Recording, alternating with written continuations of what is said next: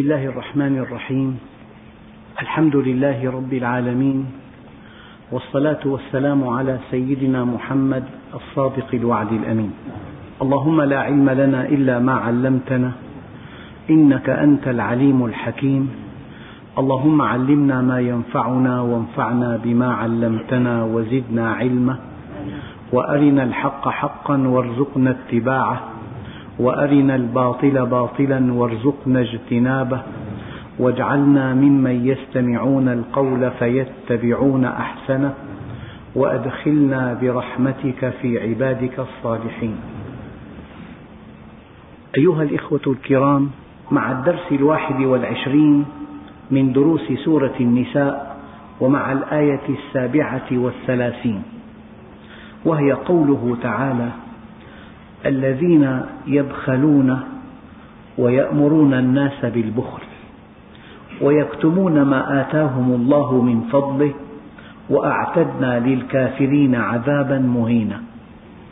هذا نموذج بشري بخيل ويأمر الناس بالبخل ويدعي أنه فقير. نموذج ونموذج هيأ الله له عذاب مهين. والعذاب الذي يذكره الله في القرآن قد يكون عظيما وقد يكون مهينا وقد يكون أليما. هناك عذاب أليم وهناك عذاب مهين وهناك عذاب عظيم. فهذا الذي يبخل ويأمر الناس بالبخل ويدعي أنه فقير هذا أعد الله له عذابا مهينا.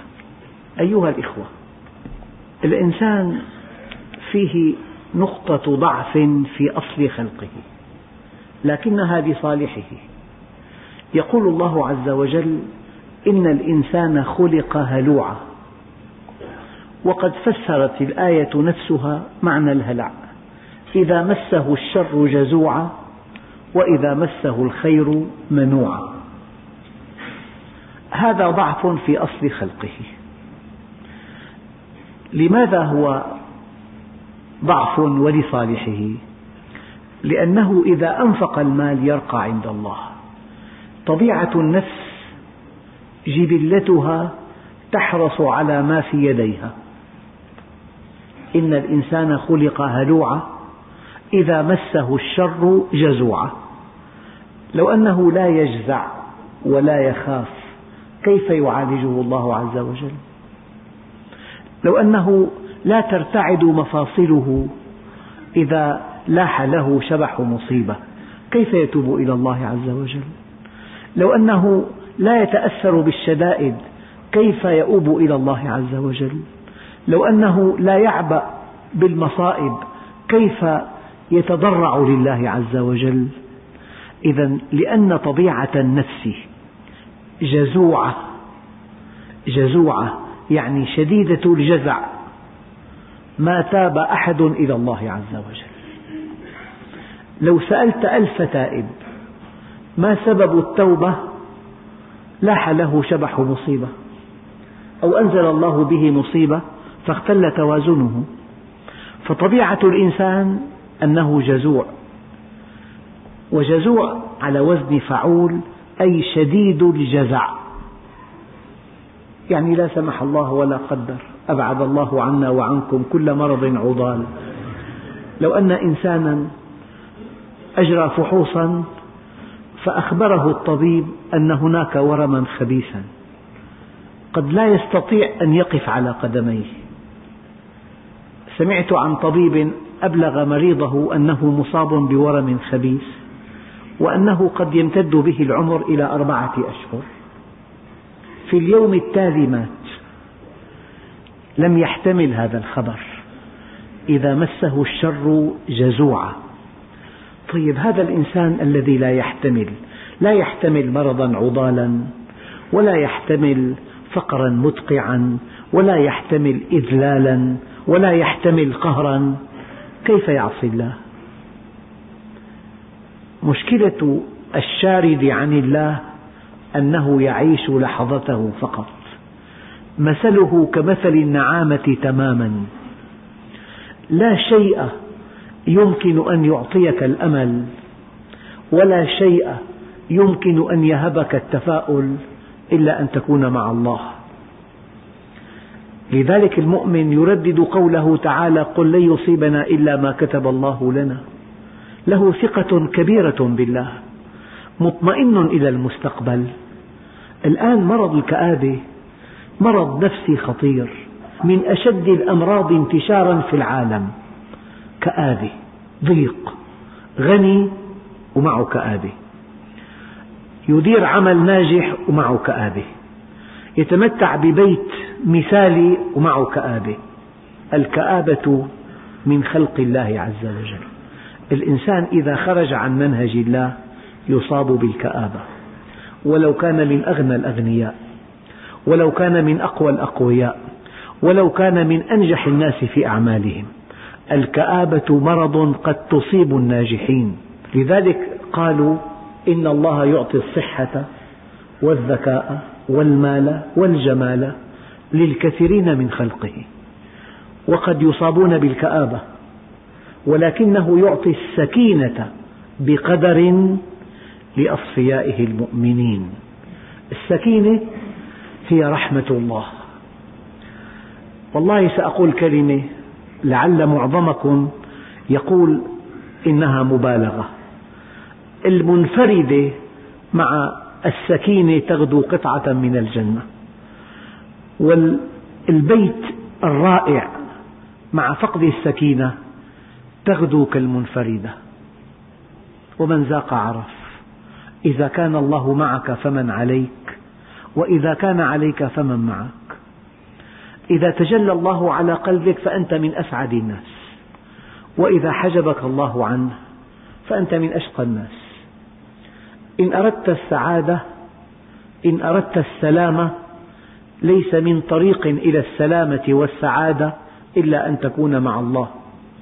لأنه إذا كنت مع الله كان الله معك. وكن مع الله ترى الله معك.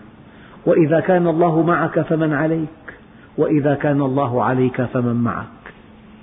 فلذلك إن الإنسان خلق هلوعا. شديد الخوف شديد الجزع. لا يحتمل مرضا ولا فقرا ولا سجنا ولا إهانة ولا فقد ولد ولا فقد زوجة. إذا مسه الشر جزوعا وإذا مسه الخير منوعا هذا طبع فيه. الأصل في الإنسان أنه حريص على ما في يديه. الأصل في طبع الإنسان أنه حريص على ما في يديه. والتكليف أن تنفق. ولا بد من تناقض بين التكليف وبين الطبع. وهذا التناقض بين التكليف وبين الطبع هو ثمن الجنة. هذا التناقض بين التكليف وبين الطبع هو ثمن الجنة. وما سمي التكليف تكليفا إلا لأنه ذو كلفة. ما سمي التكليف تكليفا إلا لأنه ذو كلفة شيء مكلف. يعني في معاكسة للطبع. وما دام الموضوع قد طرق لا بد من تكملة له. التكليف يتوافق مع الفطرة ويتناقض مع الطبع. والفطرة أقرب إلى النفس والطبع أقرب إلى الجسد. وأوضح مثل إنك إذا صليت الفجر في وقته وقد تكون قد أويت إلى الفراش الساعة الثالثة صباحا. تنام ساعة ونصف أو ساعتين وتستيقظ لصلاة الفجر. إنك تعاكس رغبتك في النوم. إنك تعاكس رغبتك في أن تبقى في الفراش. لكنك بعد أن تستيقظ وتتوضأ وتصلي ثم تؤوي إلى فراشك ترتاح نفسك.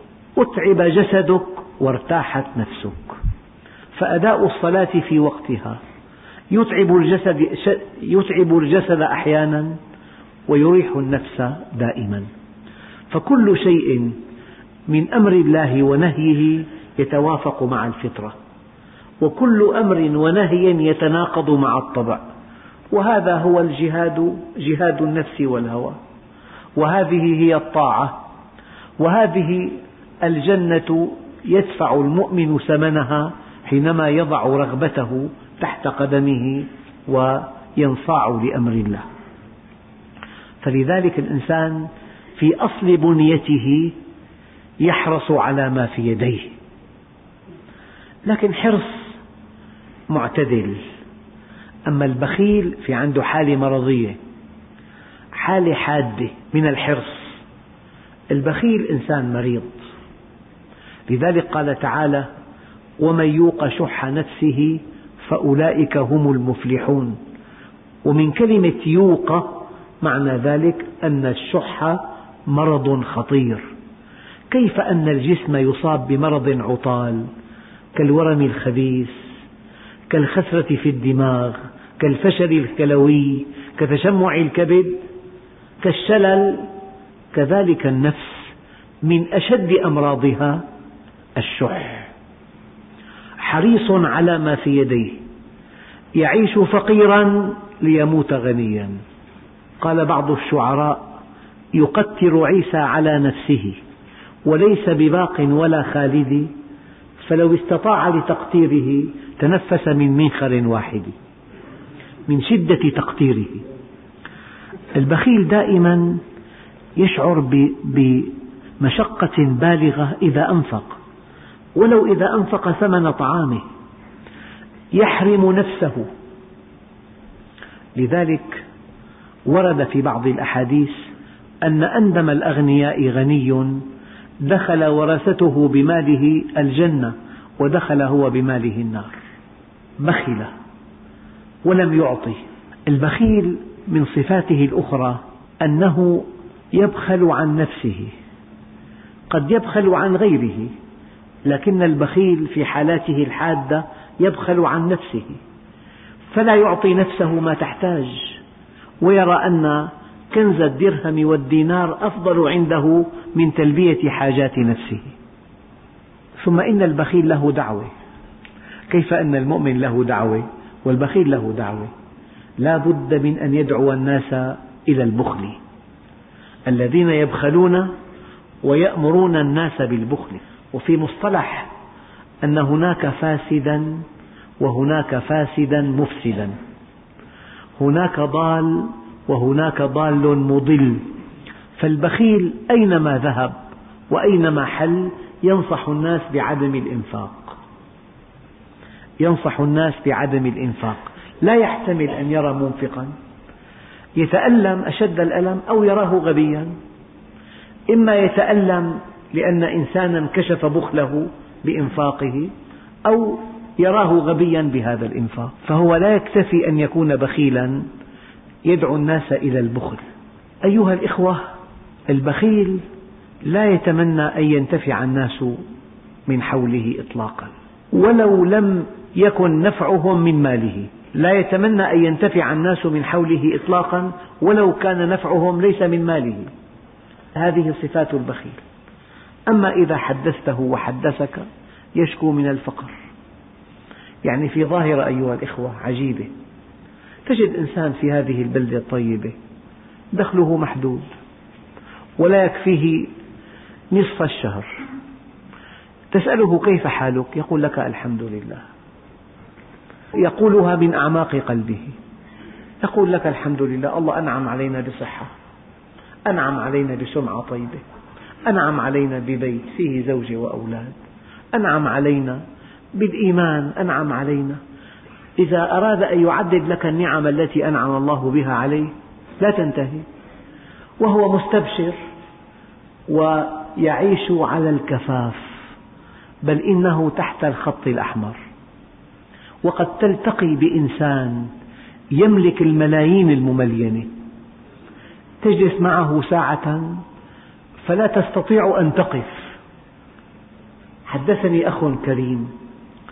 قال لي دخلت على أحد الأثرياء وقد ذكر رقما لثروته قد لا يصدق بآلاف الملايين.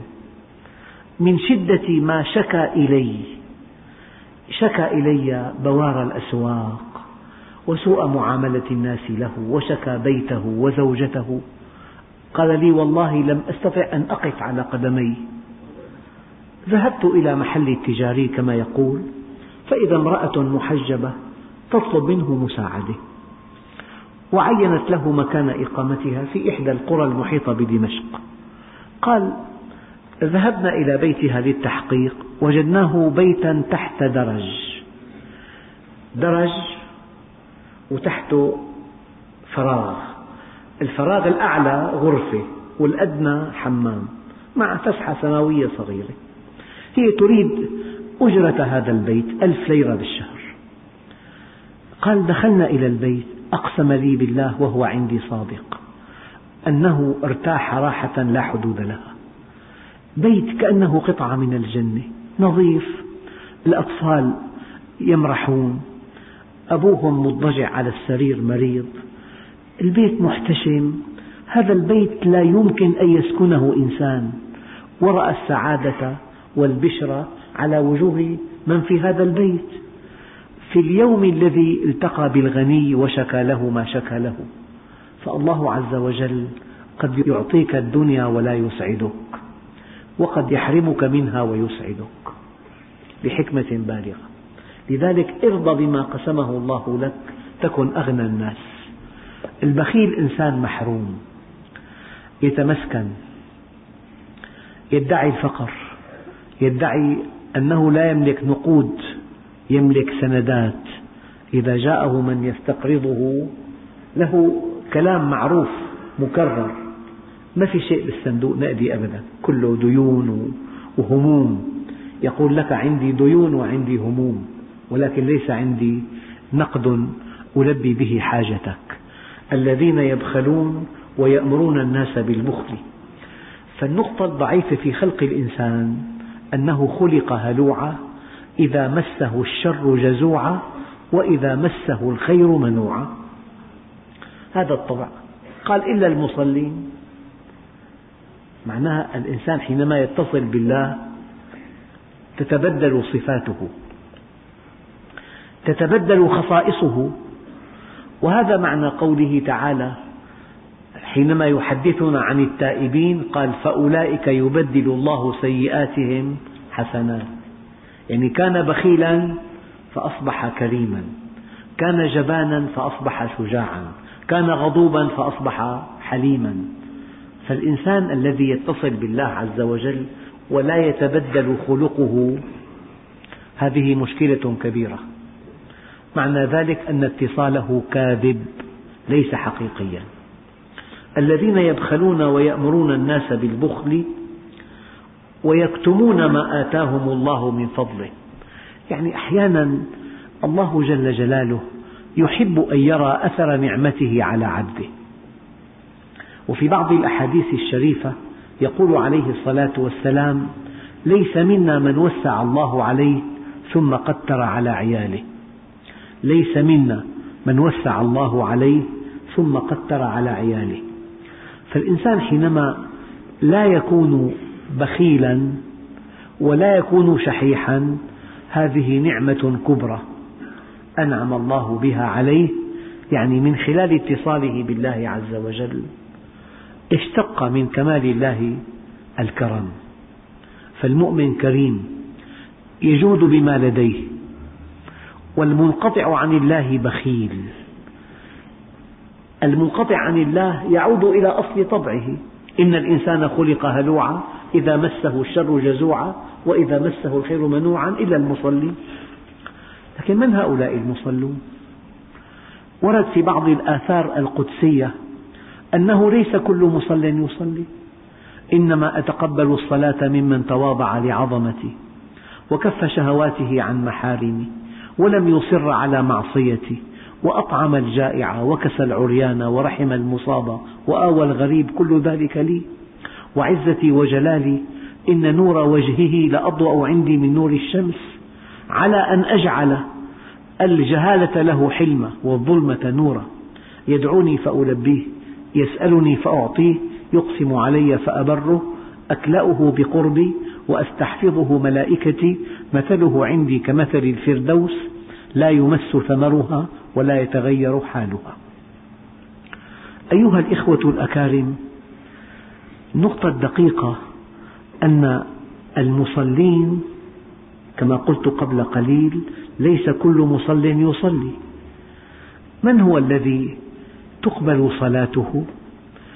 قال في قوله تعالى إلا المصلين الذين هم على صلاتهم دائمون والذين في أموالهم حق معلوم للسائل والمحروم والذين يصدقون بيوم الدين قبل أن أتابع لا بد من تعليق من علم الكلام. الصفة قيد الصفة قيد. فإذا قلت إنسان هذه تعني ستة آلاف مليون في الأرض الآن. يكفي أن تقول إنسان مسلم الرقم نزل إلى مليار ومئتين مليون. يكفي أن تقول إنسان مسلم عربي صاروا 250 مليون. يكفي أن تقول إنسان مسلم عربي مثقف 100 مليون. يكفي أن تقول إنسان مسلم عربي مثقف طبيب صاروا قد يكون 500 ألف مثلا. فكلما أضفت صفة ضاقت الدائرة.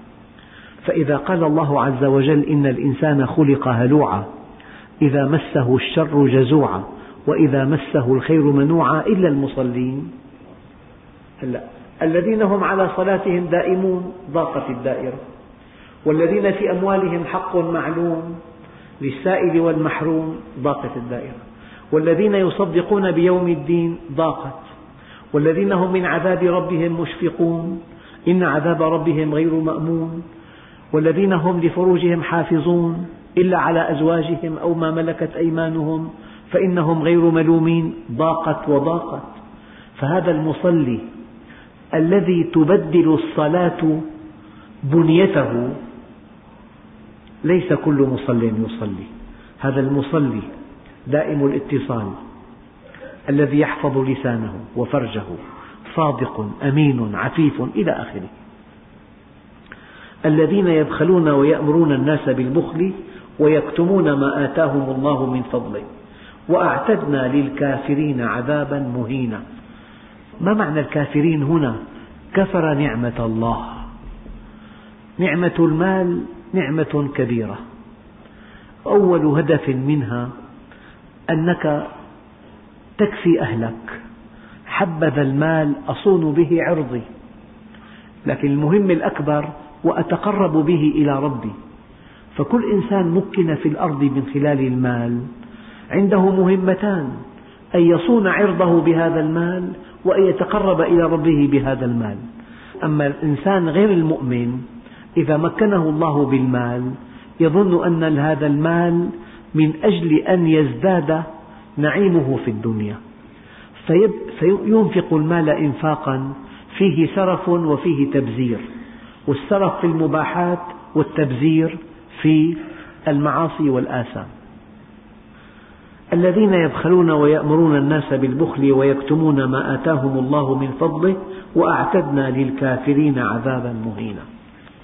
الإنسان البخيل في بدايات حياته يظن أن المال هو كل شيء يعبده من دون الله يبيع دينه بعرض من الدنيا قليل يحلف يمينا كاذبة من أجل المال يطيع مخلوقا ويعصي خالقا من أجل المال. أما في منتصف العمر يدرك أن المال شيء لكنه ليس كل شيء. أما على فراش الموت يدرك أن المال ليس بشيء. والله حدثني أخ قال لي رجل على فراش الموت جمع من الحرام ثمانمئة مليون ليرة من القمار وجاءه مرض عضال في سن غير متوقعة في سن مبكرة. هو على فراش الموت قال ماذا أفعل؟ ليتني كنت متسولا دون أن أملك هذا المال الحرام. قال له أحدهم وهو على فراش الموت لو أنفقته كله لا تنجو من عذاب الله. فالإنسان في البدايات يظن أن المال هو كل شيء بعد حين يرى أن المال ليس كل شيء لكن عند الموت يراه ليس بشيء. إن الغنى غنى النفس. أخواننا الكرام عند الموت الفقر الحقيقي فقر العمل الصالح. من قوله تعالى قال فسقى لهما ثم تولى إلى الظل. فقال رب إني لما أنزلت إلي من خير فقير. رب إني لما أنزلت إلي من خير فقير. الفقر الحقيقي فقر العمل الصالح. أن تأتي يوم القيامة صفر اليدين. عبدي أعطيتك مالا فماذا صنعت فيه؟ هكذا تروي بعض الآثار القدسية. يقول يا رب لم أنفق منه شيئا. مخافة الفقر على أولادي من بعدي. يقول الله عز وجل ألم تعلم بأني أنا الرزاق ذو القوة المتين؟ إن الذي خشيته على أولادك من بعدك قد أنزلته بهم. يسأل عبدا آخر يقول له عبدي أعطيتك مالا فماذا صنعت فيه؟ يقول يا رب أنفقته على كل محتاج ومسكين لثقتي بأنك خير حافظا وأنت أرحم الراحمين. فيقول الله له عبدي أنا الحافظ لأولادك من بعدي. نموذج آخر هذا نموذج بشري متكرر. نموذج آخر والذين ينفقون أموالهم رئاء الناس. هو لا يعرف الله لكن يحب أن يكتب عنه أنه محسن كبير. يحب أن ينتزع إعجاب الناس. يحب أن يرائي بإنفاقه الناس. يحب أن يكسب مكانة علية في المجتمع وهو ذو مال كثير. والذين ينفقون أموالهم رئاء الناس يعني فيما بينهم وبين الفقير لا يعطونه شيئا. أما في جمع غفير وفي إعلان كبير ينفقون أموالهم. من أجل أن ينتزعوا إعجاب الناس وأن يحتلوا مكانة مرموقة في المجتمع. والذين ينفقون أموالهم رئاء الناس ولا يؤمنون بالله ولا باليوم الآخر. وهناك حالات كثيرة جدا. ينفق أحيانا مليون. وله قريب قريب يعاني من مرض عضال ويحتاج إلى عملية جراحية فلا يسعفه. لأن إنفاق المليون له صدى كبير في المجتمع. أما معونة هذا الإنسان الواحد بينه وبينه ليس لها صدى إطلاقا. والذين ينفقون أموالهم رئاء الناس ولا يؤمنون بالله ولا باليوم الآخر. أيها الإخوة الكرام أقول كلمة وأرجو أن تكون واضحة عندكم. إذا آمنت باليوم الآخر الإيمان الحقيقي الذي أراده الله. إن لم تنعكس كل موازينك يكون إيمانك غير صحيح. تنعكس كل موازينك. الذي يؤمن باليوم الآخر يرى النجاح والفلاح في الإنفاق. والذي يؤمن بالدنيا وحدها يرى النجاح والفلاح في الأخذ. إن أردت أن تعلم ما إذا كنت من أهل الدنيا أو من أهل الآخرة. أجب نفسك ما الذي يسعدك أن تعطي أم أن تأخذ؟ أن تعطي أم أن تأخذ؟ المؤمن بنى حياته على العطاء مع الإخلاص فأما من أعطى واتقى وصدق بالحسنى فسنيسره لليسرى. وأما من بخل واستغنى وكذب بالحسنى وكأن هذين النموذجين في كل مجتمع إنسان آمن بالحسنى آمن أنه مخلوق للجنة وآمن أن هذه الدنيا دار عمل وآمن أن هذه الدنيا دار إعداد وآمن أن هذه الدنيا دار سعي وأن السعادة والرخاء والقرب من الله في الجنة. هذا لأنه آمن بالحسنى يتقي أن يعصي الله مستقيم. ولأنه آمن بالحسنى بنى حياته على العطاء. همه أن يعطي. الحديث الدقيق. من أصبح وأكبر همه الدنيا. من أصبح وأكبر همه الدنيا. جعل الله فقره بين عينيه. وشتت عليه شمله. ولم يؤته من الدنيا إلا ما قدر له. ومن أصبح وأكبر همه الآخرة.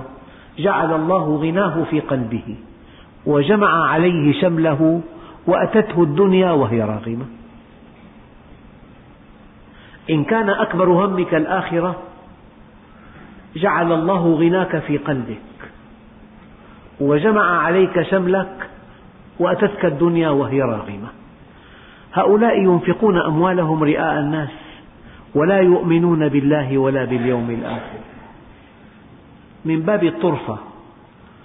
قد لا يدفع أحدهم مبلغا لمسجد إلا إذا وضعت قطعة من الرخام على أسفل المئذنة تنوه أن الذي أنشأ هذه المئذنة فلان. من دون هذه القطعة لا ينفق. معنى ذلك هناك خلل في إنفاقه. المخلص لا يعبأ أنوه الناس بفضله أو لم ينوهون لكن أنا مكلف كمؤمن أن أنوه بفضل الآخرين. المؤمن ينوه بفضل الآخرين لكن الذي ينفق ينبغي ألا يتأثر عطاؤه بالتنويه أو بعدم التنويه. هو لأنه لا يؤمن بالله ولا باليوم الآخر إذا ينفق ماله رئاء الناس. ومن يكن الشيطان له قرينا فساء قرينا. يعني هناك ملك يلهمك أو شيطان يوسوس لك. المؤمن يستجيب لإلهام الملك والذي لا يؤمن يستجيب لوسوسة الشيطان.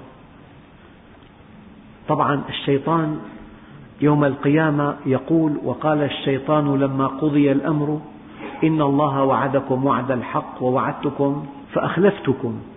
وما كان لي عليكم من سلطان إلا أن دعوتكم فاستجبتم لي. فلا تلوموني ولوموا أنفسكم. ما أنا بمصرخكم وما أنتم بمصرخي. إني كفرت بما أشركتموني من قبل. أخواننا الكرام يجب أن أنوه بهذه الحقيقة. المال من نعم الله الكبرى ويستطيع الذي آتاه الله المال أن يصل إلى أعلى درجات الجنة. والنبي عليه الصلاة والسلام يقول لا حسد إلا في اثنتين. رجل آتاه الله علما فهو ينفق منه آناء الليل وأطراف النهار ورجل آتاه الله مالا فهو ينفق منه آناء الليل وأطراف النهار. لذلك المال نعمة كبيرة جدا. أنت بالمال بإمكانك أن تفعل أعمالا لا تعد ولا تحصى. بالتعبير المعاصر خيارات الأعمال الصالحة أمام الغني لا تعد ولا تحصى بإمكانه أن يجري عملية لفقير بإمكانه أن يزوج شابا بإمكانه أن يشتري بيتا لإنسان وإنسانة اتفقا على الزواج ولا مأوى لهما. بإمكانه أن يرعى الأيتام بإمكانه أن يوسع الدعوة إلى الله عز وجل بإمكانه أن يتبنى الدعاة إلى الله. أبواب الخير المفتحة أمام الأغنياء لا تعد ولا تحصى وهذه الأبواب كلها وراءها طرق سالكة إلى الجنة. أما الإنسان إذا كان غافلا عن الله عز وجل ولا يعرف الله وليس مؤمنا باليوم الآخر يتوهم أن هذا المال من أجل متعه فقط. لكن الحقيقة العلمية أن متع الحياة لها سقف. لو أنك تملك ألف مليون كم تأكل؟ وجبة. كم ثياب ترتدي مرة واحدة؟ ثياب واحدة. على كم سرير تنام؟ على سرير واحد. في كم بيت تسكن؟ في بيت واحد. الدنيا لها سقف. مهما كنت غنيا فهناك سقوف تحد من قدرتك على الاستمتاع بالمال أما الآخرة لا نهاية لها. لذلك من قدم ماله أمامه سره اللحاق به. وقد يصل الأغنياء من المؤمنين إلى مراتب عالية جدا. وأبواب الخير ولا سيما في هذه الأيام والله لا تعد ولا تحصى. والله هناك فقر شديد. وهناك أمراض كثيرة وهناك حاجات كثيرة تحتاج إلى من ينفق. لذلك الغني المسلم له شأن كبير في المجتمع الإسلامي لأنه يسد ثغرة كبيرة الناس في أمس الحاجة إليها. وأنا حينما أتحدث عن البخل هؤلاء الذين ما عرفوا الله وما عرفوا الدار الآخرة ثم يقول الله عز وجل وماذا عليهم؟ لو آمنوا بالله واليوم الآخر وأنفقوا مما رزقهم الله وماذا عليهم؟ لو آمنوا بالله واليوم الآخر وأنفقوا مما رزقهم الله وكان الله بهم عليما. هل يقل استمتاعك بالحياة إذا آمنت بالله واليوم الآخر؟ ليس في الإسلام حرمان أبدا. ما من شهوة أودعها الله في الإنسان إلا وجعل لها قناة نظيفة تسري خلالها. لو أنك آمنت بالله واليوم الآخر هل أنت محرم عليك أن تأكل؟ كل مما لذ وطاب. هل أنت محرم عليك أن تتزوج؟ لا تزوج. كل شهوة أودعها الله في الإنسان جعل لها قناة نظيفة تسري خلالها. أي أنه ليس في الإسلام حرمان إطلاقا. لكن في الإسلام تنظيم. ماذا عليهم؟ يعني هذا الغني لو أنه اتصل بالله وأنفق ماله في سبيل الله وأطعم وشرب واكتسى هو وأهله وأولاده ومن حوله. ماذا عليه لو آمن بالله؟ ماذا عليه لو حقق الهدف من وجوده؟ ماذا عليه لو حقق علة وجوده؟ وهي عبادة الله عز وجل. كأن فيها عتاب من الله. يعني ماذا عليك أيها الطالب؟ لو درست لو درست ونلت درجة عليا علمية وافتخر بك أبوك وكنت قرة عين لأمك وأبيك وحصلت دخلا كبيرا وتزوجت امرأة صالحة وأسست بيتا إسلاميا ماذا عليك لو درست؟ لم لم تدرس؟ ماذا عليك لو استقمت؟ هل تحرم الدنيا؟ وقالوا إن نتبع الهدى معك نتخطف من أرضنا. أولم نمكن لهم حرما آمنا. قبل أن تسلموا كان لكم حرم آمن. بعد إذ أسلمتم تتخطفون من الأرض. المؤمن إذا استقام وإذا اصطلح مع الله يعني يحرم الدنيا لا والله. تأتيه وهي راغمة. أوحى ربك إلى الدنيا أنه من خدمني. فاخدميه. ومن خدمك فاستخدميه. حياة المؤمن لها معنى آخر. إذا عرف الله عز وجل جاءته الدنيا وهي راغمة. وماذا عليهم لو آمنوا بالله واليوم الآخر وأنفقوا مما رزقهم الله وكان الله بهم عليما؟ هم حينما يبخلون. لماذا يبخلون؟ كي يستمتعوا بهذا المال. يقول الله عز وجل إن الله لا يظلم مثقال ذرة وإن تك حسنة يضاعفها ويؤتي من لدنه أجرا عظيما. أنت حينما تنفق تنال من الله أضعافا مضاعفة. أنفق بلال ولا تخش من ذي العرش إقلالا. عبدي أنفق أنفق عليك.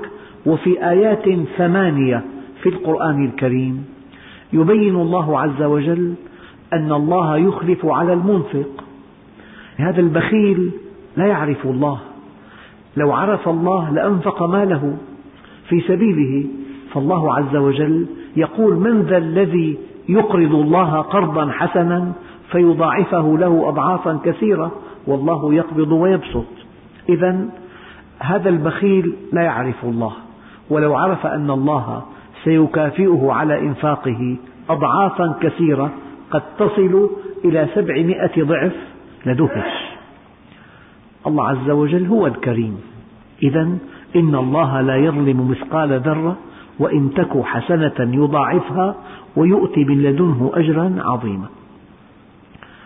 ففي الدرس القادم إن شاء الله ننتقل إلى قوله تعالى فكيف إذا جئنا من كل أمة بشهيد وجئنا بك على هؤلاء شهيدا.